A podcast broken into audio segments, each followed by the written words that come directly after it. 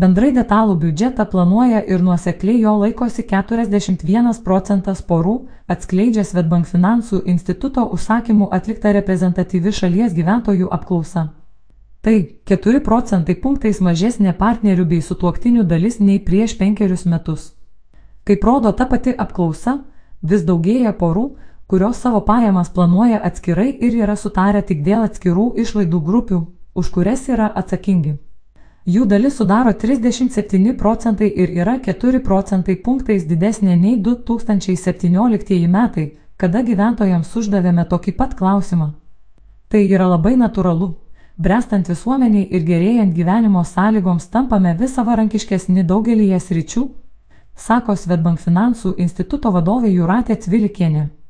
Tyrimo duomenimis 12 procentų porų finansus planuoja atskirai, tačiau turi bendrų tikslų, kuriems taupo abu. Tuo metu 6 procentai sako pajamas ir išlaidas planuojantys visiškai atskirai, būtinybė daugiau kalbėtis.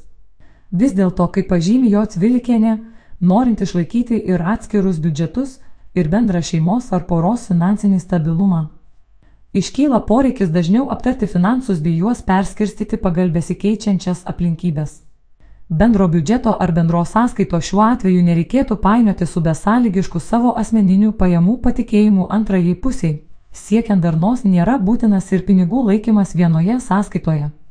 Esminis momentas čia yra skaidrumas ir aiškumas, leidžiantis vengti finansinės neištikimybės bei suteikiantis pagrindą kurti pasitikėjimų grįstą santyki, komentuoja jo Tvilikienė.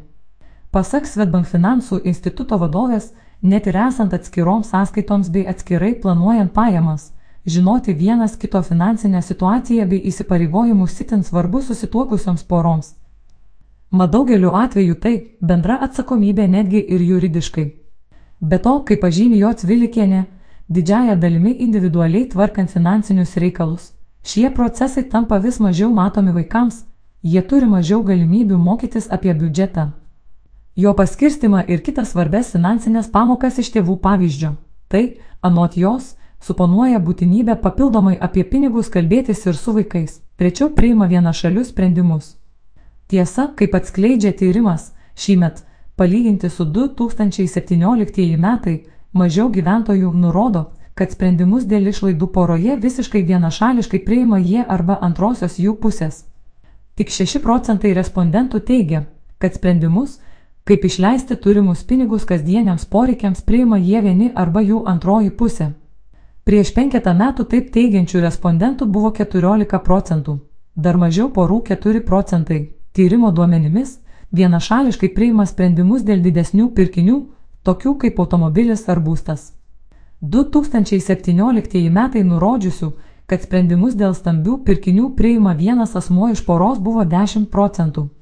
Nors vienašaliai sprendimai dėl pirkinių ir iki šiol buvo labiau išimtis nei taisyklė.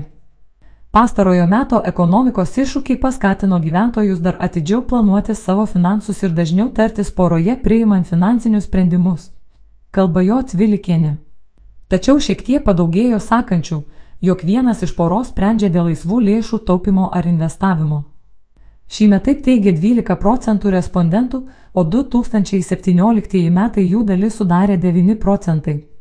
Tai, kad mažumėlė daugiau respondentų ėmėsi lyderiaujančio vaidmens taupimo bei investavimo klausimų, pasak Svetbank finansų instituto vadovės, dabartinėmis aplinkybėmis yra natūralu. Pasak jos, skirtingos poros pusės neretai turi ir kiek skirtingus finansų valdymo įpročius, tad ekonomikos aplinkybių diktuojamas poreikis pinigus leisti kiek taupiau. Kaupti finansinį rezervą pirmiausia tapo prioritetu tų asmenų poroje, kurių taupimo įgūdžiai yra labiau išvystyti.